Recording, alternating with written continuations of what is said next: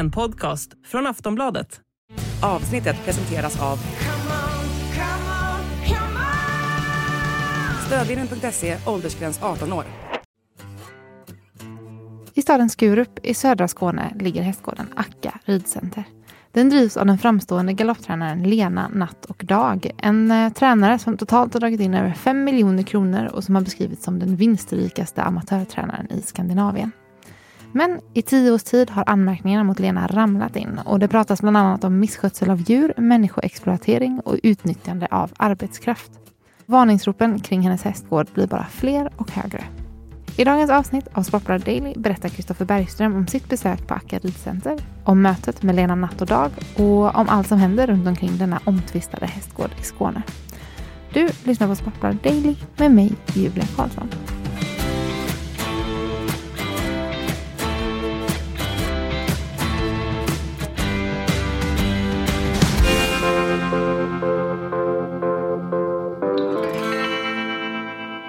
Kristoffer Bergström, nu sitter vi här. Du har alltså varit nere i ehm, Skåne, det är Akka ridcenter och den framgångsrika galopptränaren Lena Natt och Dag. Kan vi inte ta det lite från början och berätta lite hur det här startade, lite bakgrund?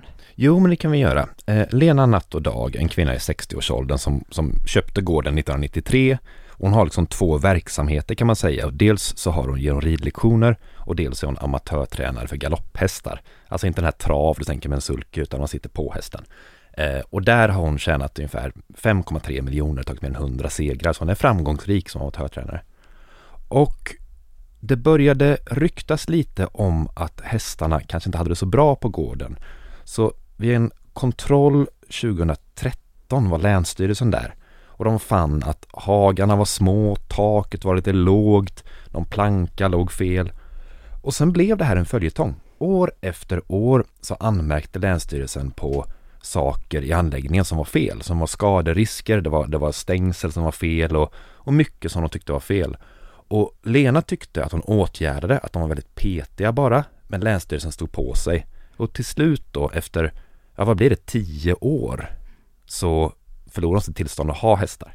Mm. Och det var så du fick nys om det här eller hur? Ja, det började den vägen. Att vi, men så blev det fler saker, jag började leta i den här historien så märker man att det finns fler saker här som är skeva eller som är märkliga på något vis där så att på, till slut fick jag reda på och fick tag i en kvinna som arbetat där under två år som kom dit, hon hette Emily. Hon kom dit 2019 och då fick hon ingen anställning utan hon skulle bara börja vara där på gården och börja jobba med hästarna och på sikt hoppades hon få lön för det här men hon var inte lovad någon lön från början. Och så gick det två år och sen lämnade hon gården och menade att hon hela tiden var utlovad lön och att Lena inte kunde leva upp till det här. Mm. Och ungefär där i historien märker man att allt jag tagit som fakta går att diskutera. Vi åkte ju hem till Lena natt och dag och pratade med henne mm. och hennes version är helt annorlunda i precis på varenda punkt. Vilket gör att rapporteringen är lite speciell för att man kan skriva att så här var det. Mm. Fast så här säger andra sidan hela tiden. Så det är väldigt svårt. Så det som börjar egentligen med, med missförhållanden och dålig djurhållning mm. menar hon bara är paragrafrytteri. Mm. Det Emily menar låna, var lovad anställning menar Lena är ren lögn, hon skulle mm. aldrig anställa. Men i en annan sväng så kunde Emily visa sms där det står jag har alltid lovat dig en anställning mm. från Lena Natt och Dag. Så allting svänger fram och tillbaka så här, vem du pratar med. Och det är väldigt åsiktsstarka sidor här. Lena är inte ensam här utan hon har många på sin sida som menar att det finns någon sorts myndighetsförtryck eller det finns någon form av jättelarvig petitessbesatthet som inte har någonting med verkligheten att göra utan hästar sparkar sönder ibland plankor och sånt. Att det ligger med en spik uppåt. Det kan inte hon rå för, för hon åtgärdar det här hela tiden. Mm. Mm, så det är misskötsel för hästarna som var det som började liksom hela historien? Mm, det kan man säga. Det, det, det är mycket rykten om hur hästar dör på lite speciella sätt. En, en historia som är sann är att ett föl, de glömde ta bort grimman på fölet, så fölet hängde sig i den ganska trånga boxen. Lena bekräftar att det hände, men hon menar att det inte var hon som glömde grimman på, utan det var en annan person. Hon själv var borta på konsert den dagen. Så, så det börjar i de historierna kan man säga. Mm. Och sen rann det lite över då i det här arbetsrättsliga. Emelie till exempel, har hon jobbat gratis i två år, dag och natt, eh, 14 timmar om dagen, varje dag, alltså 100 timmar i veckan. Hon menar det, Lena menar tvärtom, att jag har bara förbarmat mig över en person som var i ett trasslig punkt i livet och gett henne eh, liksom lite sysslor och lite fickpengar för detta. Så du åkte ner till hennes gård helt enkelt. Hur var besöket på gården? Nej men det var väl lite laddat. Det får Ja. man ju säga. Hon, är, hon har ju krigat mot olika myndigheter egentligen i tio år. Och hon vet vad folk säger om gården. Så hon är på sin vakt förstås och hon kanske inte tycker det är så kul med journalister för hon tycker att de vinklar av de här två sidorna som hon menar finns då, så tar de fel sida tycker hon då. Att man lutar sig mot kontrollrapporter från Länsstyrelsen, för hon menar att Länsstyrelsen är inte att lita på, utan de är partiska. Så för henne är det här en debatt när det finns två sidor och man tycker att vi då är, är partiska på något vis där. Så hon berättade jättenoga, hon tog fram en stor bibba papper, gick igenom massa rapporter, samma som jag har läst. Hon visade på gården hur hon hade sågat av bjälkar till exempel och satt dit en planka för de var tunnare och då blev alltså taket i boxen högre. Så hon menade alla de här små korrigeringarna bara menar hon att jag har ju gjort precis allt de ber mig om och ändå vill de stänga ner min verksamhet.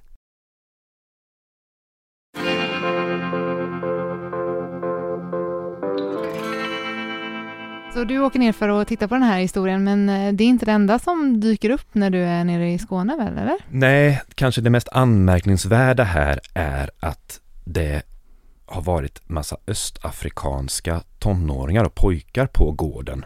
Från egentligen eh, augusti 2022 och fram till idag så har jag varit i kontakt med i alla fall åtta personer som har varit på gården och jobbat. De flesta är under 18 och de flesta är från Mauritius. Och för mig var jag var tvungen att börja kolla, vad är nu Mauritius? Jo, men det är ju Afrika, vet jag, men vad är det exakt här? Det är alltså en ö, om du ser Afrikakartan framför dig så ser du Madagaskar där förstås. Sen liksom längre ut i havet är det en prick som är Mauritius. Ett land med en miljon invånare. Och där är galoppsporten jättestor. Alla, mm, nåja, många drömmer om att bli en jockey där. Men det har gjort att det är väldigt dyrt att utbilda sig att bli jockey. Så många åker utomlands, till exempel Sydafrika, Australien för att få en utbildning där och komma hem sen som någon sorts nationens hjältar. Och några, några av lycksökarna hamnar då på en hästgård söder om Skurup. Och konflikten här som händer då, det är ju att de här pojkarna, de menar att de dels ska dit på någon sorts kurs, en akademi som verkar väldigt flådig i Europa och dels så ska de få lön när de arbetar. Men det blir inte alls så, utan när de kommer så får de egentligen vad det verkar Emelies sysslor. De jobbar ungefär 14 timmar om dagen och gör ungefär samma saker. Eh, några pengar ser de absolut inte och utbildning blir det inte heller menar de. Så, och här är ju två sidor, än en gång måste man ju säga då att Lena menar att de som kommer hit, eh, de skulle betala henne 5 000 kronor i månaden. Hon har inga papper på det, men det skulle de i alla fall göra. Och de har inte gjort. Och då har han blivit blåst med andra ord. Det finns liksom en mellanhand menar de. Eh, honom har jag också intervjuat, han heter Kenny. Och han har också en ny version av det här. Så det finns hela tiden, man försöker luta sig mot vad är sant. Och det man kan säga är att den dokumentation jag har sett, alltså kontoutdrag, meddelanden, den talar väl mer egentligen för pojkarnas sida här. Eh, den, för det finns till exempel ett meddelande från Lena som, som säger att nu har jag fått 4 000 kronor här, men vi måste ha ett bättre system att betala för. Och hon säger att hon inte fått en enda krona, säger hon när jag pratar med henne. Så någonting går ju hål där liksom. Det finns också bankomatutdrag som visar hur de här pojkarna tar ut 2000 svenska kronor i taget. De menar att de kontanter de gett till Lena Lena säger att hon absolut inte fått de pengarna. Så det är ju inget bevis, men det talar för det i alla fall. Oavsett vilket så har vi ju väldigt många unga pojkar eller män som har fått sina drömmar krossade. Det har blivit helt fel. Familjen och släkten har samlat pengar för att de ska åka till Europa och utbilda sig. De kommer hem sorgsna, de har avbrutit i förtid. De har inte varit nöjda, de har varit alldeles för lite. Trångt har det varit, det har varit smutsigt. De har inte lärt sig någonting. Och till slut så pratade jag med Pierre som var väldigt skamsen. Han satt i en lägenhet i Malmö med en 15 och 17-åring. Och de är fortfarande kvar där nu spelar in det här. De vill bara komma hem igen. De blev hämtade under en polisinspektion, en razzia egentligen på gården i slutet av februari. De hade varit där i några veckor och hade haft det förfärligt, menar de. Och eh, på grund av fallet med dem så utreds just nu Lena natt och dag för människoexploatering. Alltså ett brott som har ett maxstraff på fyra år. Ett tämligen nytt brott som bara funnits sedan 2018. Som handlar om just om man ger folk väldigt, väldigt oskäliga arbetsvillkor, framförallt folk som kommer utifrån. Så att, eh, så det misstänks de för just nu. Mm. Är det någonting annat rättsligt, några andra rättsliga konsekvenser? Nej, det är just nu är det människoexploatering som mm. gäller. Men däremot kan man säga att eh, Svensk Galopp, alltså organisationen för, för den här tävlingsvarianten, de säger att de har dragit in hennes licens för att mm. tävla. Än en gång, Lena säger, har de inte alls det. Det är jag som inte har ansökt. Men vi får se hur det går med den saken. Så den verksamheten ser ut att vara stoppad. Det ser också ut som att djurhållningar som inte får ha yrkesverksamma hästar. Men här kommer nästa komplikation. Lena Natt och Dag säger man, ja vem är det då? Är det en privatperson? Ja, hon är mycket. Hon har ett stall som heter Stall Camino. Hon har Akka ridcenter. Hon har eller har haft Akka ridklubb. Också en privatperson. Sen finns det lite andra stall som hon är nära knuten till. Och hon menar att myndigheterna har dribblat bort det här, vem som är vem och vad som är vad. Så hon till exempel säger att jag ska göra mig av med massa hästar nu, jag får inte ha dem. Då flyttar hon dem från kanske privatpersoner eller från aktiebolaget till ideella föreningen. Och i det här så, vem äger hästarna? Så att de facto står fortfarande hästarna på den här gården. Alltså hon har sitt hus och sin gård. Hon har hagarna som har bedömts för små av vissa, hon menar att det inte stämmer. Och hästarna är fortfarande där, men de har bytt ägande från henne till henne. Eller det egentligen kanske bytt till en idrottsförening. Hon kanske inte står som ordförande just nu, men det, det är liksom en, det finns ett väldigt dribbel runt det här och hon är jättestridbar.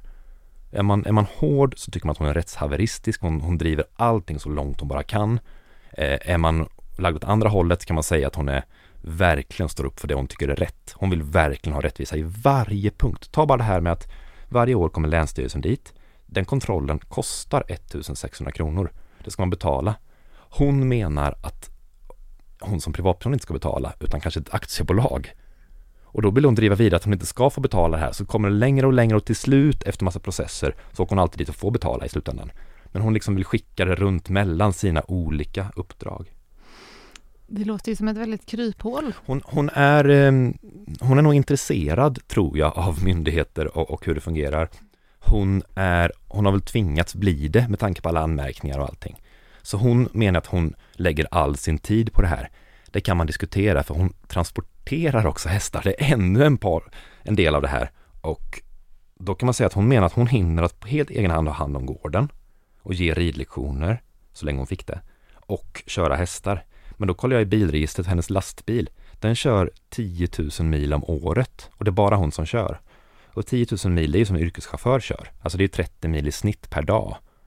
Och kör man inte en dag så är det 60 mil nästa dag. Alltså göra det som en bisyssla utöver allt annat. Och då frågar jag henne förstås, hur, hur får du ihop det här? Och då pekar hon på sitt namn. Jag heter Lena Natt och Dag. Det är för att jag jobbar dygnet runt helt enkelt. Och det är inte olagligt att vara flitig. Selling a little or a lot? Shopify helps you do your thing however you cha-ching. Shopify is the global commerce platform that helps you sell at every stage of your business. From the launch your online shop stage to the first real life store stage, all the way to the did we just hit a million orders stage. Shopify is there to help you grow. Shopify helps you turn browsers into buyers with the internet's best converting checkout. 36% better on average compared to other leading commerce platforms because businesses that grow grow with Shopify. Get a $1 per month trial period at shopify.com/work. shopify.com/work.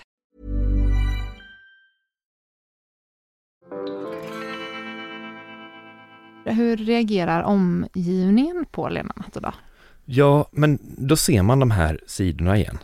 Det finns till exempel något som heter Ridsportens Blacklist på Facebook, ett väldigt levande forum där artiklarna läggs upp och diskuteras väldigt mycket. Och några tycker att det verkar fruktansvärt och några tycker att det är hemskt att journalistiken trycker på de här sakerna, det är fel saker.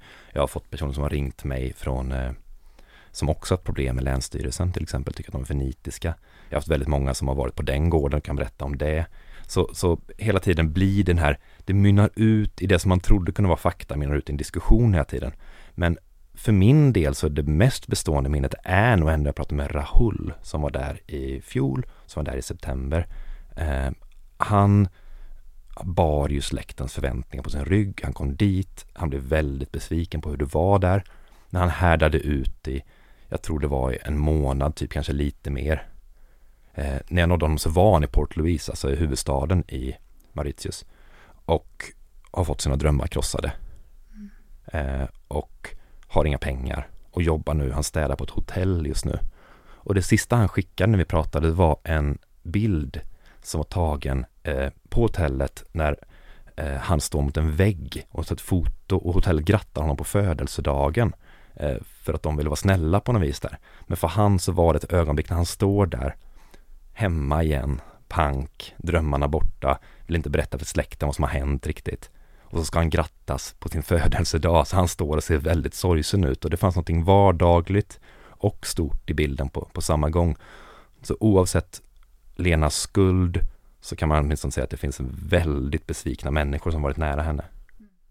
Um, både vi och ehm, um, övrig media har ju rapporterat tidigare om att det finns så mycket missförhållanden inom just hästsport. Vad, vad är det som gör det så utsatt, hästsporten? Ja, det blir en spekulation. Vi vet inte exakt hur utsatt den här är. Men, men det som är en riskfaktor i alla fall, det är att det krävs så otroligt mycket jobb och slit på en hästgård. Det som väldigt många, framförallt unga tjejer gör idag. Alltså man har en dröm om att rida mycket och då ingår det på något sätt att man är och hjälper till i stallet. Det kan vara åtta timmar om dagen och, och sådär. Det som inte sker riktigt i andra sporter, att det tar så jäkla mycket tid liksom så. Man är en väldigt maktunderläge hela tiden.